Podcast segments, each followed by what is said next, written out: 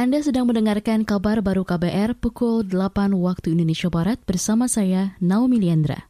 Mayoritas anggota Parlemen Amerika Serikat menyatakan setuju atas usulan pemakzulan terhadap Presiden Donald Trump. Dikutip dari CNN, 10 perwakilan Partai Republik membelot dengan menyetujui pemakzulan yang diajukan Partai Demokrat. Dengan demikian, Donald Trump menjadi Presiden Amerika Serikat pertama yang dua kali ingin dimaksulkan oleh parlemen.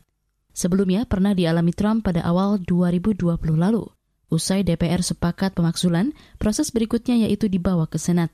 Nantinya, Senat akan melakukan persidangan untuk mengusut dugaan pelanggaran tingkat tinggi yang dilakukan Donald Trump. Usulan pemaksulan sendiri tak lepas dari kericuhan di gedung Capitol Hill pada pekan lalu. Masa pendukung Donald Trump yang tak puas dengan hasil Pilpres Amerika Serikat menyerbu gedung tersebut. Kita beralih ke berita dalam negeri. Yayasan Lembaga Konsumen Indonesia YLKI meminta pemerintah tidak perlu memaksa masyarakat yang tak ingin divaksin.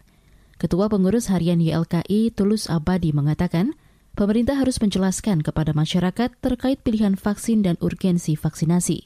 Kalau saya merujuk ke WHO kan sebenarnya memang pemerintah tidak bolehkan uh, memaksa warga negara untuk divaksin ya, tidak ada paksaan. Artinya uh, kalau memang tidak mau ya mungkin tidak perlu menggunakan cara-cara pemaksaan apalagi dimensi hukum karena toh target pemerintah juga memang tidak 100% kan tapi hanya 181 juta dari yang ditargetkan itu. Itu tadi Ketua Pengurus Harian YLKI Tulus Abadi. Sementara itu Pemprov Daerah Istimewa Yogyakarta tidak akan menyangsi kepada warganya yang menolak divaksin. Pemprov DIY tidak ingin membangun kesadaran masyarakat atas vaksin dengan menggunakan ketakutan-ketakutan seperti memperlakukan sanksi. Pemprov berharap kesadaran akan pentingnya vaksin tersebut muncul dari masyarakat sendiri. Kita beralih ke berita olahraga. Barcelona menang lewat adu penalti 3-2 atas Real Sociedad pada semifinal Piala Super Spanyol dini hari tadi.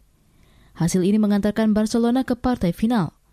Skor imbang membuat pertandingan berlanjut ke babak perpanjangan waktu.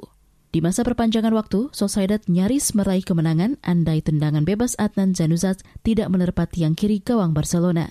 Tendangan penalti dari Ricky Pick sebagai eksekutor terakhir menentukan kemenangan tim Katalan untuk lolos ke partai final. Dalam final nanti, Barcia masih menunggu pemenang pertandingan Real Madrid versus Athletic Bilbao. Demikian kabar baru KBR, saya